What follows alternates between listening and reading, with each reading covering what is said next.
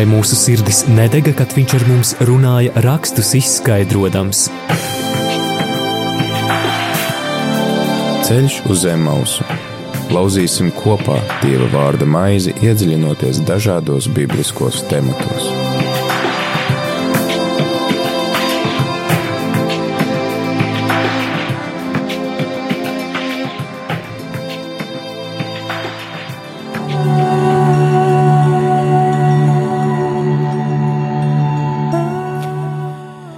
Radio Marija Latvija klausītāji ir 5 un 1 minūte 4.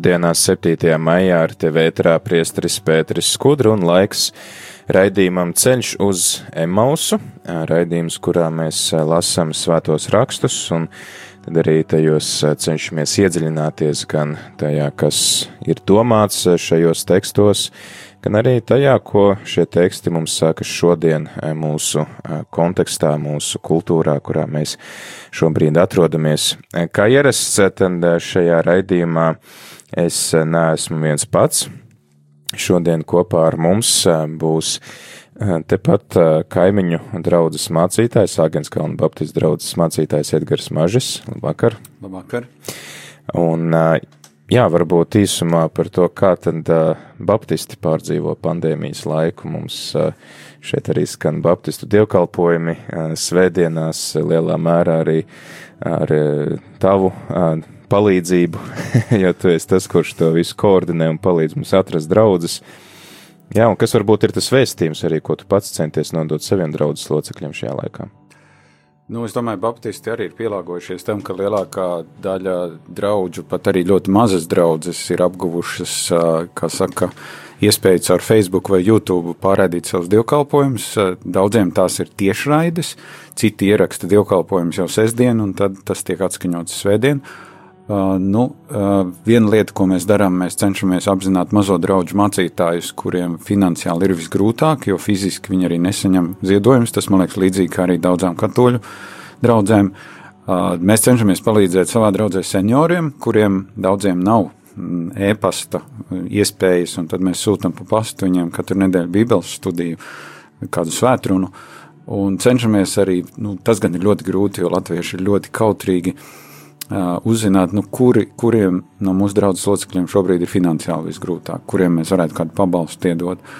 Uh, nu, es domāju, mana vēsts, es katru rītu rakstu Facebookā tādas īsas pārdomas, un es cenšos cilvēkus iedrošināt, izdzīvot šo laiku. Man šķiet, Bībele tajā ziņā ir ļoti labs pavadonis šajā ceļā, un, un, un šajā ziņā mēs esam kaut kādā ziņā vienoti visas kristīgās konfesijas šis, šis nu ir laiks, kad mēs nu vairs nešķeļamies. Mums eh, ir viens mērķis ar Dievu palīdzību izdzīvot šo laiku un, un tad skatīties, kā mēs dzīvosim tālāk.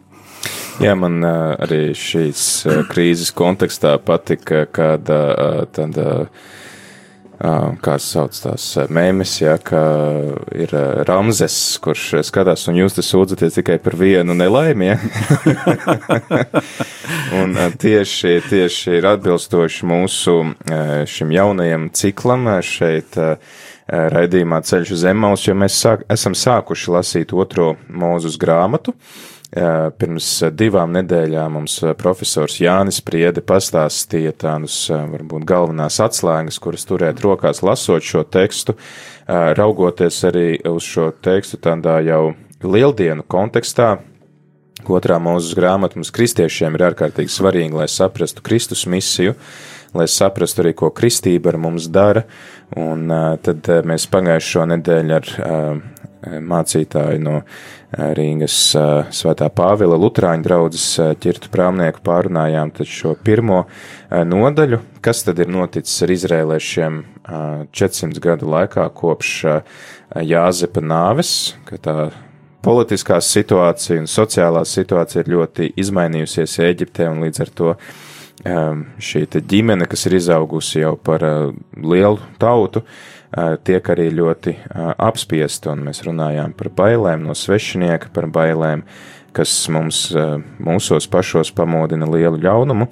Tad šodien, šodien runāsim par otro nodaļu, otrās nodaļas pirmajiem desmit pantiem, tāpēc klausītāji aicinu tevi eh, sameklēt uh, izceļošanas grāmatu, otro mūzes grāmatu un atšķirt otro nodaļu no pirmā līdz desmitajam pantam.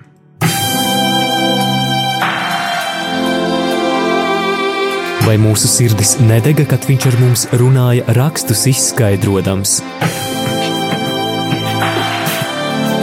Ceļš uz zem mausu Lauzīsim kopā Dieva vārda maizi, iedziļinoties dažādos bibliskos tematos.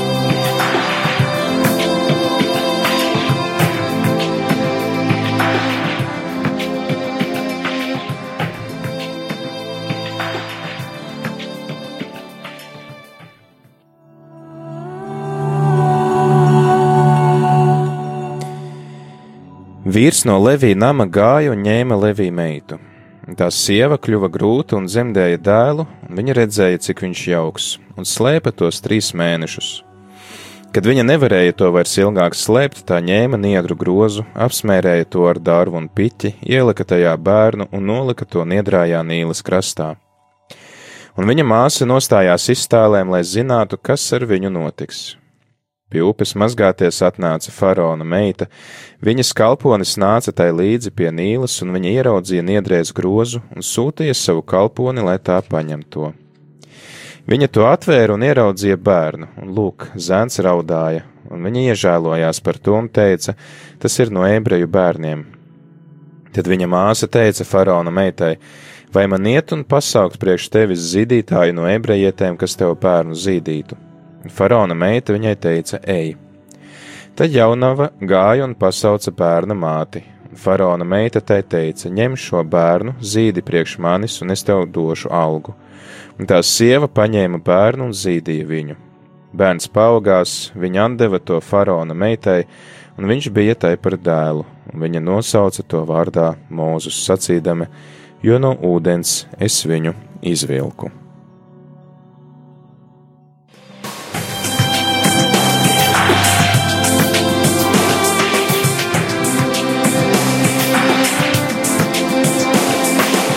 Ceļš uz zem mausu katru ceturtdienu, pulkstens 17.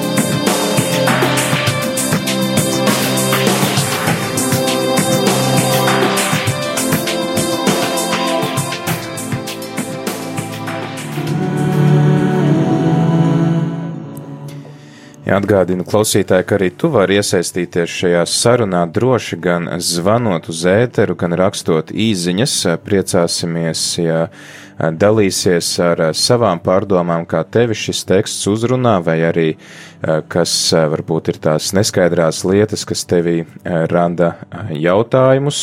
Mēs mēģināsim arī tad ar mācītāju Edgaru Māži uz šiem jautājumiem atbildēt. Un, ja nevarēsim atbildēt šoreiz, tad mēģināsim atbildi atrast nākam ceturtdien, kad atkal tiksimies šajā raidījumā. Bet, jā, mēs tad tikko dzirdējām otrās mūsu grāmatas, otrās nodaļas sākumu par mūzus nākšanu pasaulē, arī tādā ļoti smagā brīdī, kad eģiptieši ir paverdzinājuši jūdus un ir arī pavēlējuši visus uh, puišus mest upē tikko kā tie ir piedzimuši. Jā, tas mazliet atgādina Ķīnu, kur teiksim, ir ierobežojusi dzimstību, un kur arī teiksim, nu, ne vairāk kā viens bērns ģimenē. Un, laiks ir tiešām ļoti, ļoti dramatisks, jo nu, faraons, es domāju, apzinās draudus. Un jāsaka godīgi, ka viņam lielākais drauds liekas ir auglība, auglības dāvana, kas ir izrēliešiem. Jo tur šajā situācijā man šķiet ir interesanti arī tas pats sākums, ka, ka Mūzus piedzimšana ir tādā apslēptībā uzrakstīta. Ir vienkārši vīrs no Levi nama, viņš gāja, ņēma Levi meitu un, un, un, un piedzimst bērns. Un, un šajā nodaļā mēs pat neuzzinām, kā sauc Mūzus vecākus. Uh, mēs uzzinām gan to, ka šis, šis puikiņš ir ļoti jauks. Un man liekas, ka tas raksturo jebkuru mazuli, kas piedzimst šajā pasaulē. Jebkurš, jebkurš mazulis ir ļoti jauks. Un, un tas tiešām ir ārkārtīgi nežēlīgi, es domāju, no faraona puses vienkārši nu, mest zīdaiņus upē par barību krokodiliem vai, vai vienkārši lai viņi noslīkst. Un, Un tas ir kaut kas mazliet līdzīgs, es domāju, arī ar Hitleru. Un tad, kad Hitlers gribēja ebreju tautu iznīcināt, tad tas, nu, tās paralēles jau šeit sākās patiesībā. Nu, tiek pacelta roka pret dieva tautu, kas, kas vēlāk, protams, nu, eģiptiešiem varbūt būs jānožēlo nu, šo, šo drastisko rīcību, ko faraons ir darījis. Bet es domāju, ka laika pa laikam ir šī arī mūsu sabiedrībā ir tādi nu, drastiski likumi, kas nu, Ja mēs pagājušajā redzējumā runājam par to, ka šo, šo nežēlību ir izsauc bailes, ka cik daudz ļauna nodara tas, ka mēs ļaujamies bailēm. Ja, kas, kas tad būs, kad viņi tagad apvienosies ar mūsu pretiniekiem? Kā arī šis nu, kaut kāds integrācijas jautājums, un ļoti interesanti, ka arī pēc tam, kad jūdu tauta būs izgājusi no Eģiptes zemes un kad Dievs viņiem dos likumu, tad Mūzus teiks, ka tev būs pieņemt un rūpēties par svešinieku savā vidū. Ja? Ka nevis svešinieks ir tas biedējošais elements, bet svešinieks ir tas, caur kuru tu īstenībā uzņem dievu zināmā mērā. Jo svešinieks ir arī tāda nu, neaizsargāta, var teikt, persona, jo viņš ir ceļā, viņš ir prom no savām mājām, viņam nav tuvinieku, nav draugu.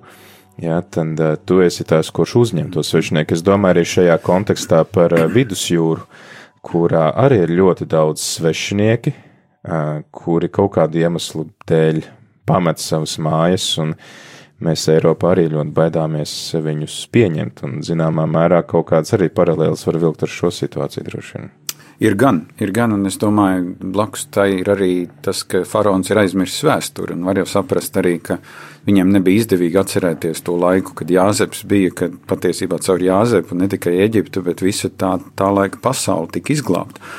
Bet nu, tas eģiptiešiem bija tāds pazemojuma laiks, nu, kad saka, šeit var redzēt arī mazliet tādu nacionālismu. Nu, tā, mēs tad vērsīsimies pret visiem tiem, kas nav mūsējie. Un man šķiet, tas ir ļoti bīstami, jo dažreiz tādus iedīgļus var redzēt arī šeit, pat Latvijā tāda, tāda ļoti liet, liela neiecietība vienalga vai nu no latviešu puses pret krievu, piemēram, vai no krievu puses pret latvieti, kas nu, manā uztverē ir absolūti nepieņemams modelis kristiešiem. Ja mēs domājam par to, un arī to, ko tu sacīji, ka, ka Dievs savā likumā saka, nevis nu, tagad atriebieties visiem svešiniekiem, tāpēc, ka tie eģiptieši jūs mocīja, bet parādiet žēlsirdību. Parādiet žēlsirdību. Jūs paši bijāt svešinieki, jūs zināt, Jā. kā tas ir. Jā, jo tas, es mazliet es domāju par padomju armiju. Tur bija tā, ka nu, jaunākos karavīrus parasti vecākie ļoti pazemoja. Nu, tas mm. bija tā, tas, ko sauc par ģedovšanu, krievu valodā, tāda, tāda nu, mocīšana. Un tad, kad uh, es jautāju vienam no tiem ģediem, es teicu, nu, kāpēc jūs tā darat? Viņi saka, nu, kad mēs bijām jauni, tad mūsu mocīja, un kad tu būsi vecais, tad te, tu varēsi jaunos mocīt. Es teicu, nu, žēl, ka jūs nebūsiet tad šeit uh, klāt. Man nav nekāda nepieciešamība mocīt jaunos tikai tāpēc, ka jūs man esat mocījuši. Bet es domāju, nu kaut kur bieži vien tā ir tā cilvēka sāpe, ka viņam liekas, nu, ja reiz es, es, es tiku pazemots, tad es varēšu pēc tam tā riktīgi uz citiem izlādēties. Jā. Šīs otrās eh, nodaļas sākumā ir eh, šis uh, nezināmais vīrs, no, bet mēs zinām cilti, Levija cilts, uh, kurš aprecās un viņam uh, piedzimst dēls trīs mēnešus tātad pēc šī likuma pieņemšanas par to, ka visi zēni ir jāiemet upē. Viņi trīs mēnešus šo zēnu slēpj, un te arī komentāros atrat tādu, varbūt ar tādu humoru pieskaņu, ka patiesībā jau Mūzus māte un viņa viņam vecākā māsa izpilda šo likumu, jo viņas arī iemet to mūzu upē, vienīgi nu, viņš ir šķirstā. Nu, viņš, ir, viņš ir tāds aizsargāts, un vēl viena paralēla ir, ka šo šķirstu mazliet salīdzina ar noāšu šķirstu, jā, ka, teiksim, tas uh, ūdens nav iznīcinošs uh, tam, kurš atrodas šķirstā, ka, ka mazais mūzus. Uh, Iespējams, viņa nemaz tajā brīdī nesauc par mūzu, bet viņš ir atrodas tā kā drošā vietā. Viņš atrodas drošā vietā un, un, un viņu neskar, neskar teiksim, nāve, kas būtu pilnīgi loģiski. Trīs mēnešu vecam zīdainim mēs arī nezinām, cik ilgi viņš tur atradās. Nu, tas, ka viņš raudāja, nozīmēja, ka tas nevarēja būt ļoti ilgi. Viņš vienkārši gribēja ēst, un varbūt mm. tā bija diena nu, augstākais divas, bet, bet tie nebija nedēļas. Tur, tur es domāju. Jā, bet tad redz, mēs arī redzam, ka māsa novēro, kas notiek. Un man liekas, interesanti, varbūt pat bija šī absurda, ir pati šī situācija, ka nāk šī faraona meita un viņas kalpones. Un tad viņas atrod šo puisām, viņas arī atpazīst, ka tas ir no ebreju bērniem, tā vietā, lai teikt, ka, hei, faraons ir teicis viņus visus mest upē, un lai, tiksim, izmest viņu ārā no tā, tā šķirsta, viņa ienes viņu galmā, un pats faraons viņus sāk audzināt. Kā, kā to saprast? Es, es nesaprotu šo situāciju. Nu, man šķiet, ka numur viens, ka cik labi, ka uz to upi peldēties negāja faraons. Jo tad, tad, tad mūzam nebūtu nekāda cerība. Bet, bet man šeit tas ir tik ļoti dabīgi, ka jebkura sieviete ieraugot zīdaini, uh, nu, šeit mēs nevaram saprast, vai faraona meita jau bija dzemdējusi vai nebija dzemdējusi, bet, bet tas foršais vārds, kas te ir, ka viņa iežēlojās. Viņa iežēlojās par šo bērnu. Pirms, pirms varbūt viņi ir vizuāli ieraudzījuši, ka tas ir ebreju bērns. Kaut gan, nu, diez vai viņai vajadzēja pārbaudīt, vai viņš ir apgaizīts vai nē. Nu, pēc tā varēja patiešām pateikt, bet es domāju, tā pavēle jau bija skaidra. Eģiptieši jau savus dēlus nemet upē. Mm. Pavēle attiecās tikai uz ebrejiem. Un kad iežēlošanās ir tā, kas kā tāds nu, aizsarga plīvurs ap mūzu ir jau no mazām dienām, uh, ka kaut kādā ziņā faraona meitai izdodas, nu, vai nu faraona pārliecināt, kas, kas varēja būt moments tāds, nu, ka viņi vienkārši viņam teica, klausies, šis, šis mazulis ir tik ļoti jauks, un, un mēs viņu uzaudzināsim, mēs nezinām, vai, vai viņai pēc tam vēl piedzim bērni, vai, bet, bet šis ir tāds ārkārtīgi liels uh, upurēšanās un žēlsirdības akts, jo, Jo es domāju, daudziem cilvēkiem šodien ir grūti arī nu, paņemt bērnu no bērnu nama, sakot, nu, tur var būt slikti gēni, un varbūt tur, tur nekas labs nesanāks, un tā mm. tālāk. Bet, bet šeit jau faraona meita arī neko nezina par mūzes izcelšanos. Viņš tikai ir foršs puikiņš. Jā, tas īstenībā es nekad neesmu padomājis šīs raksturvietas kontekstā par adopcijas jautājumu. Tas varētu droši vien būt vēl atsevišķs vesels temats par eh, visiem tiem bībeles varoņiem, kas ir eh, bijuši adoptēti. Zināmā mērā mēs visi, kas esam kristīti, esam adoptēti Dieva ģimenē. Eh, lūk, tad arī Mūzus, Mūzus ienākot šajā faraona galmā, kas, jā, kas tad notiek tajā faraona galmā? Viņš, viņam ir kādas privilēģijas, vai viņš ir viens no kalpiem, vai Es domāju, ka viņš, nu, tas ļoti skaidri uzrakstīts, ka viņš viņai kļūst par dēlu. Nu, viņu, viņu pieņem kā dēlu. Bet mazliet atpakaļ, paskatoties, mums nav arī ska, īsti skaidrs, kāpēc viņi nāca mazgāties. Jo bija divi veidi mazgāšanās. Bija rituālā mazgāšanās Eģiptē, kas, teiksim, kaut kā saistībā ar Eģiptes dieviem, un tad bija vienkārši parasta mazgāšanās, tāpēc ka karsts laiks ir. Un man gan arī gribētos domāt, ka šī varēja būt tā rituālā mazgāšanās, ka viņi saprata, ka šeit ir kaut kas saistīts ar to nu, viņas garīgo dzīvi. Ja, tā mm. nav tikai tāda nejaušība. Es atradu to, to šķirstu, ja, jo, jo es domāju, viņa mazgājās droši vien katru dienu. Nu, nu, saka, ka tur varēja būt arī pat norobežota Nīlas upe lai tur nenāk krokodili, respektīvi, lai faraona meita var mierīgi tur, tur mazgāties ar saviem kalponiem. Bet, um, un, un tas varbūt arī iedeva papildu motivāciju, kāpēc ir jāpaņem mūzus. Ja? Un, un, protams, viss interesantais, es domāju, viss ar šo bērnu zīdīšanu. Nu, nu tā, tur uzreiz ir viņa māsa. Viņa saka, nevajag atnest, atnest to, kas var zīdīt. Ja? Un, un atkal teksts neko mums nepasaka, vai faraona meita nojauta, ka tā, kas zīdīja, šo zēnu, ka tā ir viņa, viņa māte. Man liekas, to varēja nojaust. Nu, to var redzēt, kā nu, ka māte zīdīja savu mazuli. Nu, bet, bet tur atkal man, man patīk, ka faraona meita īstenībā darbojas pret savu tēvu. Mm. Viss pēc visiem parametriem. Jau pirmkārt, to bērnu paņemot, otrkārt, nāk ebrejiet, kur viņi baro. Ja, un, un, un tad un bērns paaugās, un mēs, mēs saprotam, ka nu, tas ir kaut kāds laika posms, kad viņš pilnībā nonāk Eģiptes galmā kad viņš nonāk pie faraona meitas. Un, un es domāju, ka nē, viņš nebija kalps, nu, viņš dabūja fantastisku izglītību. Tā bija tā laika pasaules labākā izglītība, ko Eģipte varēja iegūt. Domāju, viņš perfekti runāja gan, gan uh, senebreju valodā, gan eģiptiešu valodā. Gan, nemaz nerunājot par to, ka viņam bija zināšanas. Es domāju, gan, gan Eģiptes mitoloģijā.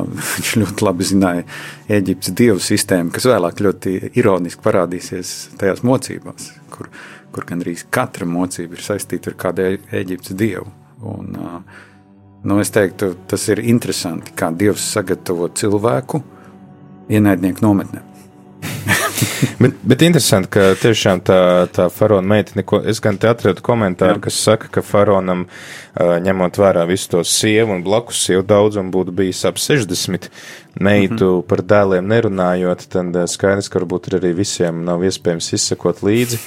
Bet uh, arī pašai šai meitai, nu, tiešām tā savādi ar visām tām kalponēm, viņi tur peldās, atrod bērnu, uzreiz bērnam klāt ir meitene, kas saka, es pazīstu vienu zīdītāju, ja, um, -hmm. nu, kaut kā varbūt, ka viņa bija naiva kaut kāda vai, nu, Nē, nu, redziet, man liekas, visiem Bībeles notikumiem ir divi līmeņi. Viens ir tas mūsu cilvēcīgais, ko mēs skatāmies. Jā. Ja tas, piemēram, notiktu šodien, tad, tad mums liekas, nē, nu, nu dīvaini. Jā. Nu, tad tu kaut kur pie māras dīķa atrast vienu mazu zīdaini. Jā. Un tur uzreiz ir klāta māsa, kas saka, ka tas tev atvedīs, kas par viņu parūpēsies. Droši vien vajag zīdīt. Uh, bet es domāju, ka šis jau ir nu, daļa no tā lielā plāna, ka, ka Dievs kā tāds režisors, viņš režisē visu šo situāciju. Ja, ka faraona meita atnāk īstā brīdī, ja, tur tajā brīdī māsa arī ir klāta, ja, tad, tad mammu atsauc. Tad faraona meita nevis domā, bāc, tagad sviedīsim atpakaļ, jo tas ir ebreju bērns bet, bet viņi iežēlojās. Man liekas, tas kā, man ļoti patīk tas vārds, ko jaunajā darbā arī tiek lietots, kad Jēzus iežēlojās, ka viņš ierauga mm. spitālīgo, viņš iežēlojas, kad Jēzus ierauga cilvēkus, kur ir. Nu, kā avis bez, bez gana, ja viņš iežēlojās. Un tā, tas ir tāds ļoti emocionāls vārds, ka burtiski nu, tu esi asarās, nu, tu nevari emocionāli, tu esi ļoti, ļoti aizkustināts par to, kas ir noticis, un tu kaut ko gribi darīt, lai mainītu situāciju. Tā kā es neteiktu, ka viņa bija naiva. Nu, viņa Nu, viņi bija tāds dievišķi runājot, instruments dievu rokās. Mm. Jā, tad uh, mēs arī redzam to, ka redz, dievam nav grūti strādāt arī caur tiem, kas viņu nepazīst. Mēs to arī visu caur redzam svētajos rakstos, arī pēc tam būs tas Babilonas ķēniņš, kas saņem dieva atklāsmi, atlaist jā, tautu, un tas arī var mums uh, likt aizdomāties par to, ka dievs uz mums var runāt gan caur svētiem rakstiem, caur baznīcu, uh, Um, bet viņš arī var runāt caur pilnīgi svešiem cilvēkiem, kuriem varbūt nav nekāda sakara ar, ar uh, Dievu, kuri varbūt vienkārši ir sirdsapziņas cilvēki, kas um, klausās savā sirdī, ko Dievs viņiem tur saka. Es domāju, ir laiks dziesmai, tā kā mēs esam uh, runājuši par uh, mūzu, kas uh, ir ūdenī un uh, par uh, šo viņa pamāti, kas eh, tur iet eh, peldēties, iet mazgāties, tad arī attiecīgi dziesma ar nosaukumu pret straumi peldētājs. Pēc tam turpināsim šo sarunu. Atgādinu klausītāji, ka arī tu vari iesaistīties šajā sarunā, gan zvanot uz numuru 679, 691, 131, gan arī rakstot īsiņas uz numuru 266, 77, 272. Vai arī droši padalīties ar to, kas tevi uzrunās šajā stāstā, kas varbūt aizskar tavu sirdi.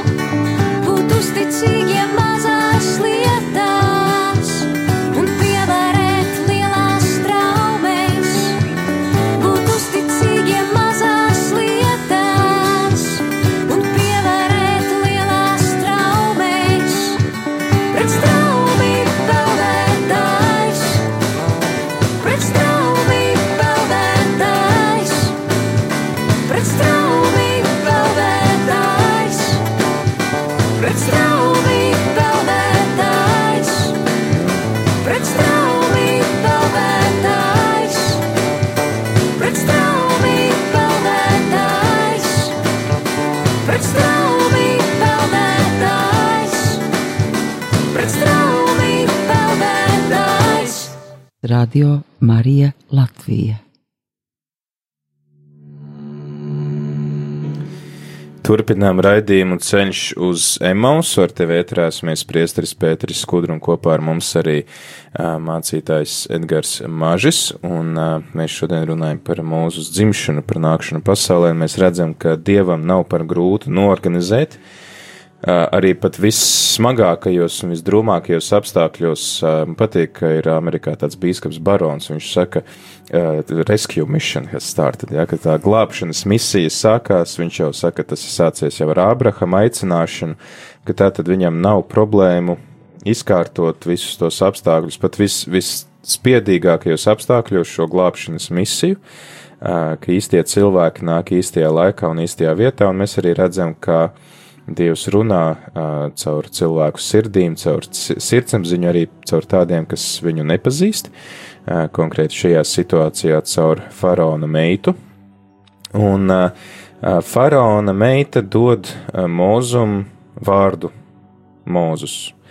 Un šeit ir teikts, ka tātad tas būtu tulkojums, jo no ūdens es viņu izvilku, ka ebreju valodā tas nozīmē izvilkt, bet interesanti, ka eģiptiešu sieviete dod uh, bērnam ebreju vārdu.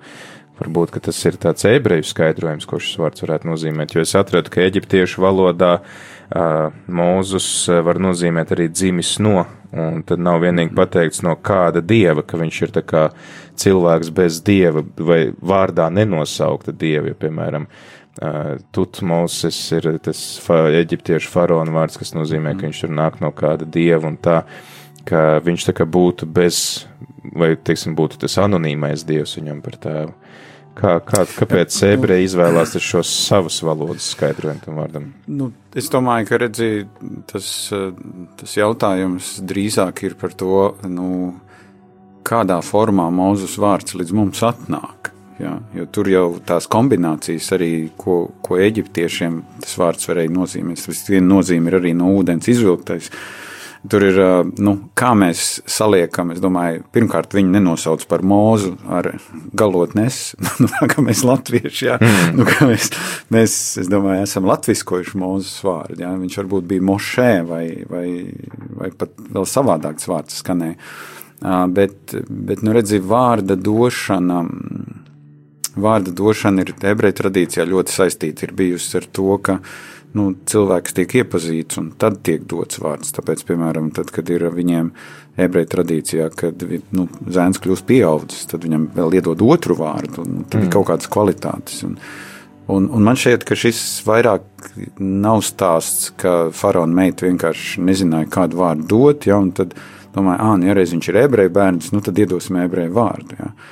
Mm, drīzāk man šķiet, ka tas, uh, nu, es, es teiktu tā, ka tad, kad tas teksts līdz mums atnāk, tad, kad, tad, kad Mūzes uh, ir pierakstījis uh, tradīciju par savu dzimšanu. Mums jāsaprot arī, ka nu, nu, nebija tā, neviens jau nesēdēja klāt tajā brīdī, kad faraona meita deva vārdu. Ja, tur, ja, tur, viņa māsa skrēja, mamma zināja, ah, tagad viņam ir tāds vārds. Ja.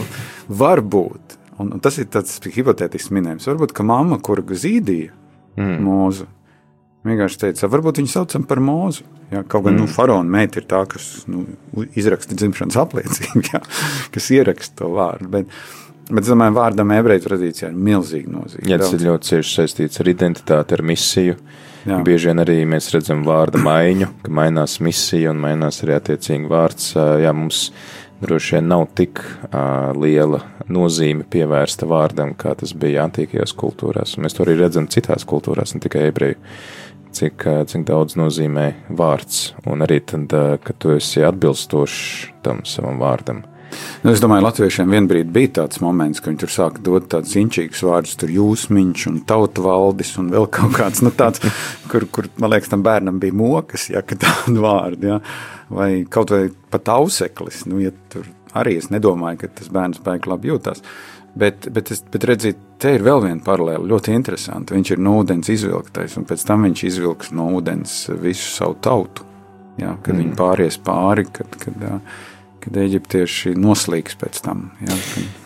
Bet ir, ir arī vēl viena tāda lieta, mēs, kad tikāmies pirms divām nedēļām šeit ar profesoru Jāni Priedu, viņš teica, ka mums šo grāmata lielā mērā ir jāskata tādā lieldienu kontekstā, jau no tādas kristiešu perspektīvas, un mēs te arī pārunājām aizkadrā vēstules ebrejiem autora vārdus, kurš atsaucās uz mūzu, un bieži vien, bieži vien, tad, kad mēs lasam par Jēzu, piemēram, par kalnu sprediķi, par staigāšanu pa jūras virsu, kad ir vētra,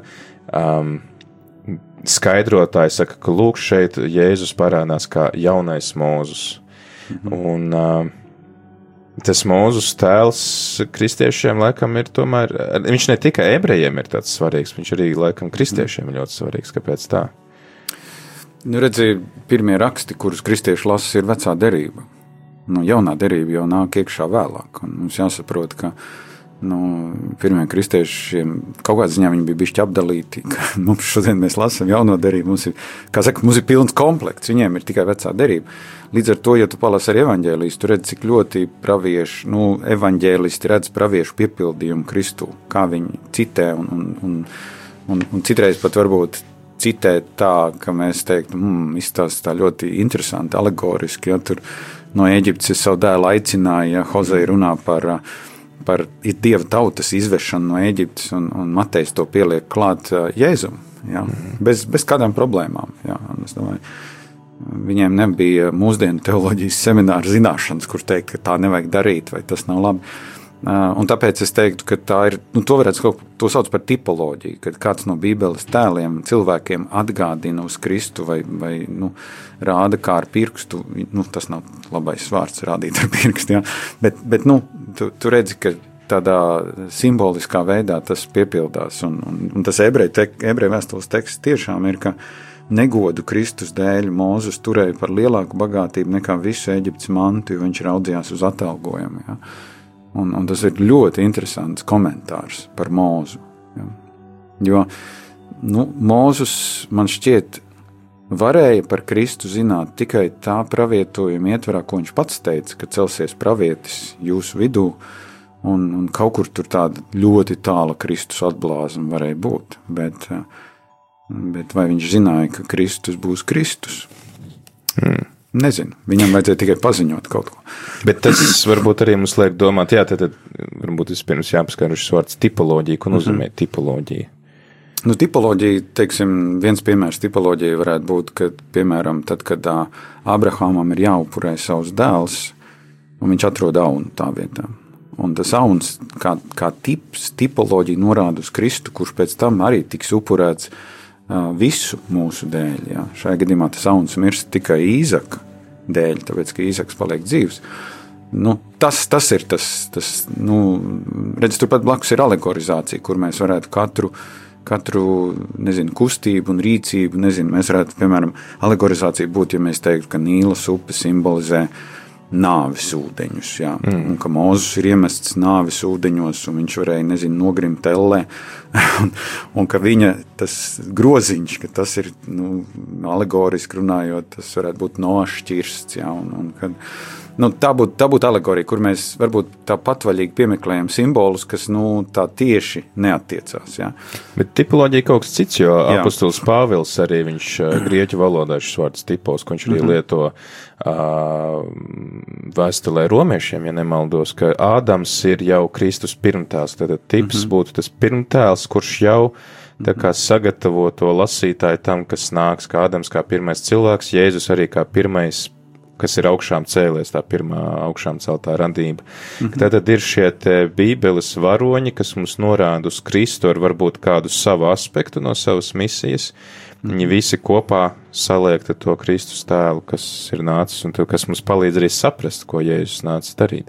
Nu, tas arī, es domāju, ļauj mums ieraudzīt to, ka Kristus klātbūtne ir arī vecajā derībā. Hmm. Ja Kristus ir pie radīšanas, tad, tad Kristus klātbūtne arī šādā veidā caur šiem cilvēkiem, kuri kā, apzināti, neapzināti norāda ar savu rīcību uz Kristu, kas nāk šeit virs zemes. Ja ne par veltu ebreju vēstules autors saka, ka Kristus dēļ Mūzus pēc tam atsakās no tās savas, Jā. uh, savas, uh, nu, tās savas augstdzimtības, lai identificētos ar to savu tautu, uh, kas mēs to lasīsim pēc tam, ka viņam ir jābēg no Eģiptes, bet arī zināmā mērā mēs arī redzam tādu jau Kristus pirmtēlu, ka Kristus arī būdams Dieva tronī, pats būdams dievs, kā Pāvils citē šo kristiešu himnu, kas saka, ja dieva veidā būdams, viņš atsakās no visa, no visām tām privilēģijām, lai nostātos vienā līmenī ar, ar cilvēku, kas attiecīgi, tad, nu tā mēs varētu teikt, tā varbūt mums saprotamāk, tad parādās mūzus tālāk cilvēks, kurš dzīvo galmā, kuram ir izglītība, kuram ne par ko nav jāuztraucās, viņš izvēlās identificēties pēkšņi ar vergu un aizstāvēt vergu. Jā, un redziet, tas un, un tā, tā, tur mūzum ir dubult grūti. Tāpēc, ka tālākie notikumi parāda, ka tauta viņu nesagaida ar atplestām rokām.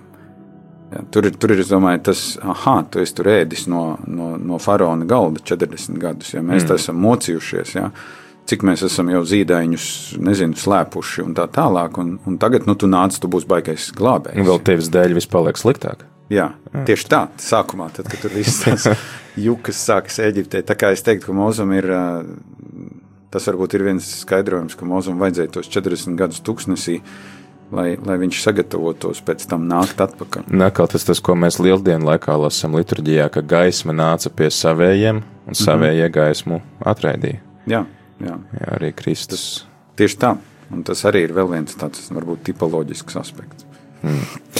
Jā, tātad mēs redzam, ka Mūzus lielā mērā mums norāda uz, norāda uz Kristus tēlu ar savu dzimšanu un arī ar šo genocīdu, jo arī Jēzum nākas bēgt. Un Marijai ir jāzep, viņu ir jāslēpj, jo arī tur tie bērni tiek slepkavoti ķēniņa Heroda laikā.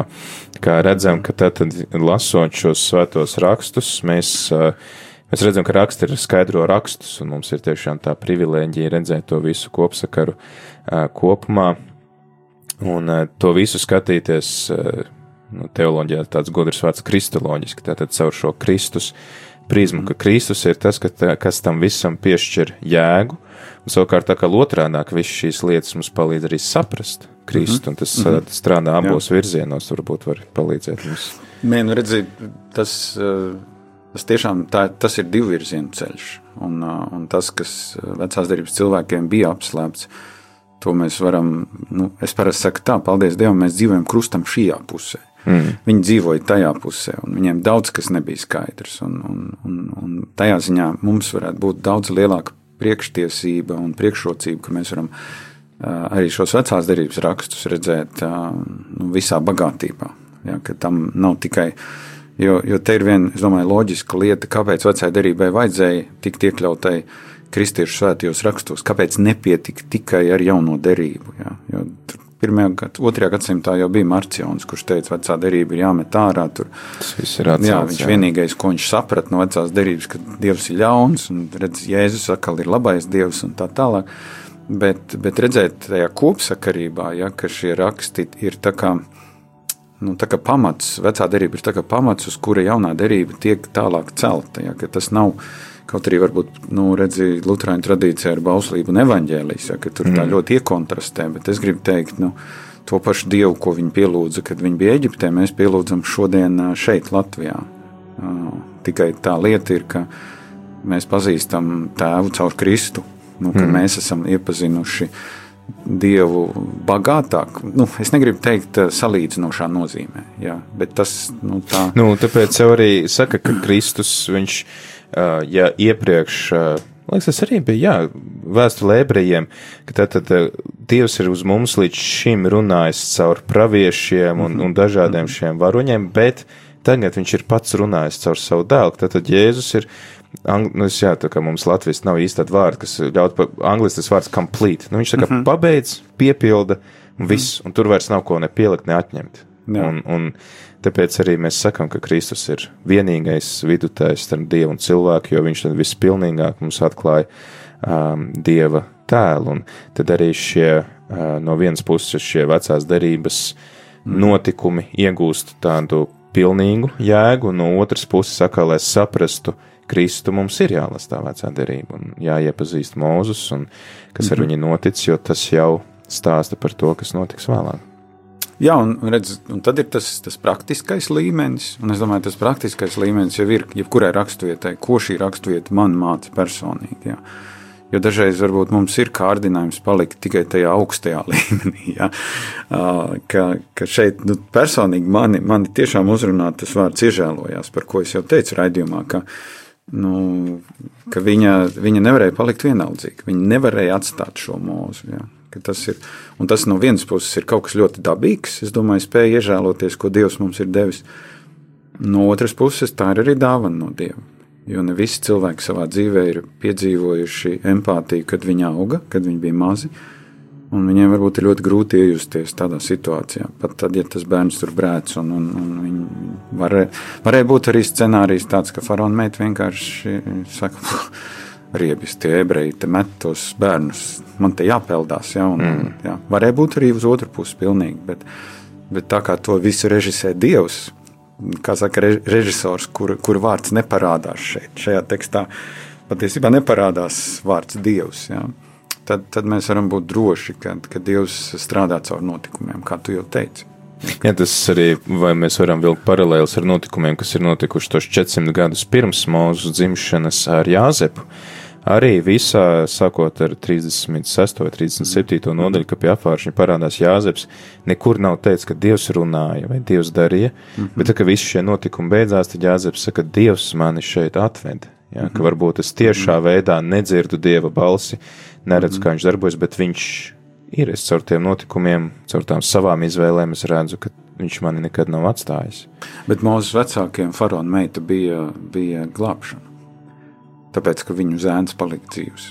Ja, tas, es domāju, faraona meita ir gandrīz kā tāds pestītāja, nu, atkal tipologa, tip, tips, ja, ka, ka viņa izglābja, viņa izglābja mūzu, ja mūzis varēja tiešām noslīgt visu acu priekšā, bet, bet tas ir tas, um, un tad man patīk arī tas, ka, nu, Nu jā, kad, uh, arī ebreju vēstules autors to pasaka, ka, ka tāpēc, ka tas puikiņš bija jauks, viņi viņu trīs mm. mēnešus slēpa. Jā, man tas arī liktos ļoti interesants arguments šodien. liktos, nu, nu par kuru tad tu varētu teikt zīdaini, oi, viņš bija šausmīgi nesmuks, un tāpēc mēs izlēmām viņu nemaz neturēt. Jā.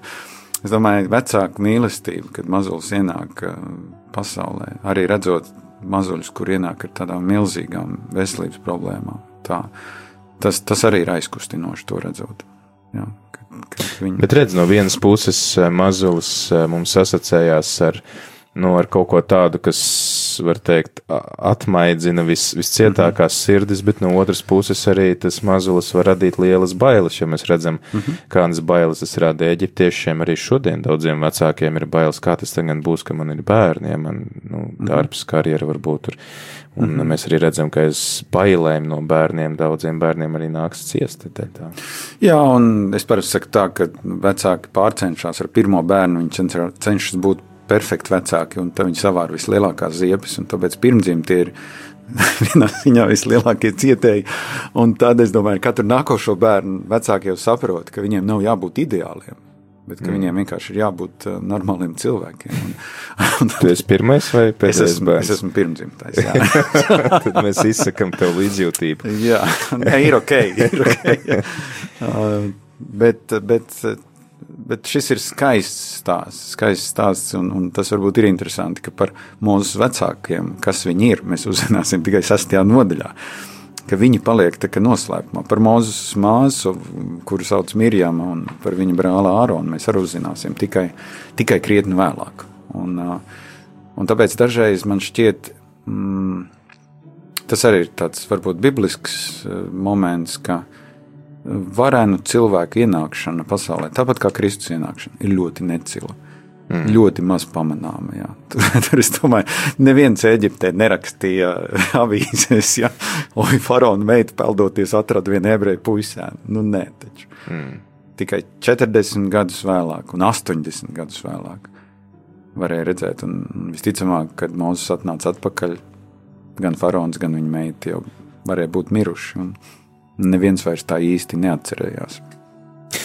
Jā, um, mēs varētu noslēgt šo raidījumu, un uh, Edgars varbūt varētu mums mm -hmm. uh, iedot tādu, kā teikt, ceļa maizi, kas varētu būt vēl tātad bez šīs iežēlošanās. Es domāju, mm -hmm. viens ir tas, ka mēs varam um, padomāt kādu brīdi un atcerēties, kad mēs esam piedzīvojuši to, ka kāds par mums iežēlojas, caur mm -hmm. ko mēs esam arī piedzīvojuši Dieva rūpes par mums, un, protams, arī tad, kā mēs izrādām šo Dieva līdzjūtību citiem, bet kas varētu būt varbūt vēl kāds kāda apņemšanās vai kāds mm -hmm. aspekts, ko mēs varam paņemt līdzi. Man liekas, ka šajā laikā dzīvojot, mēs kaut ko piedzīvojam ļoti līdzīgi kā mūsu vecāki. Mēs nezinām, kā tā dzīve ies tālāk, jā, kas notiks ar mūsu bērnu.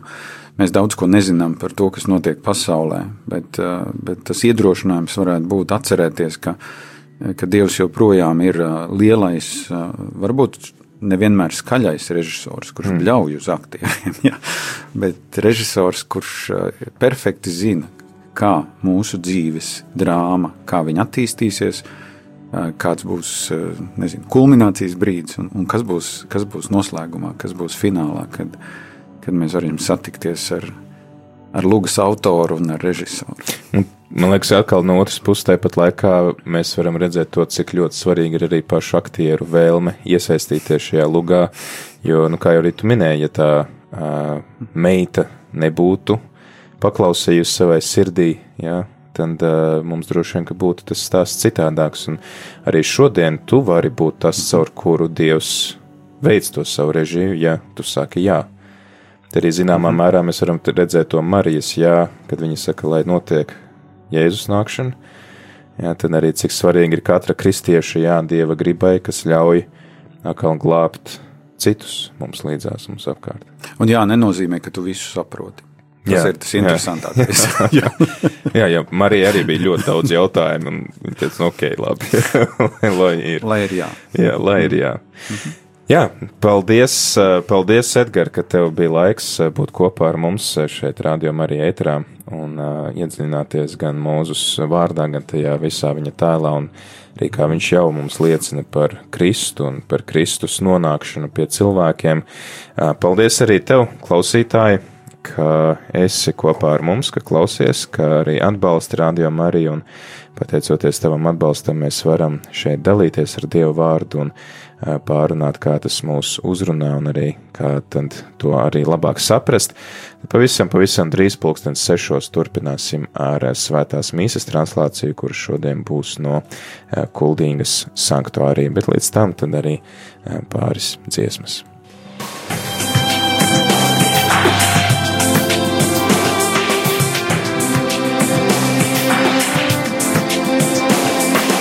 Ceļš uz zem mausu katru ceturtdienu, pulkstens 17.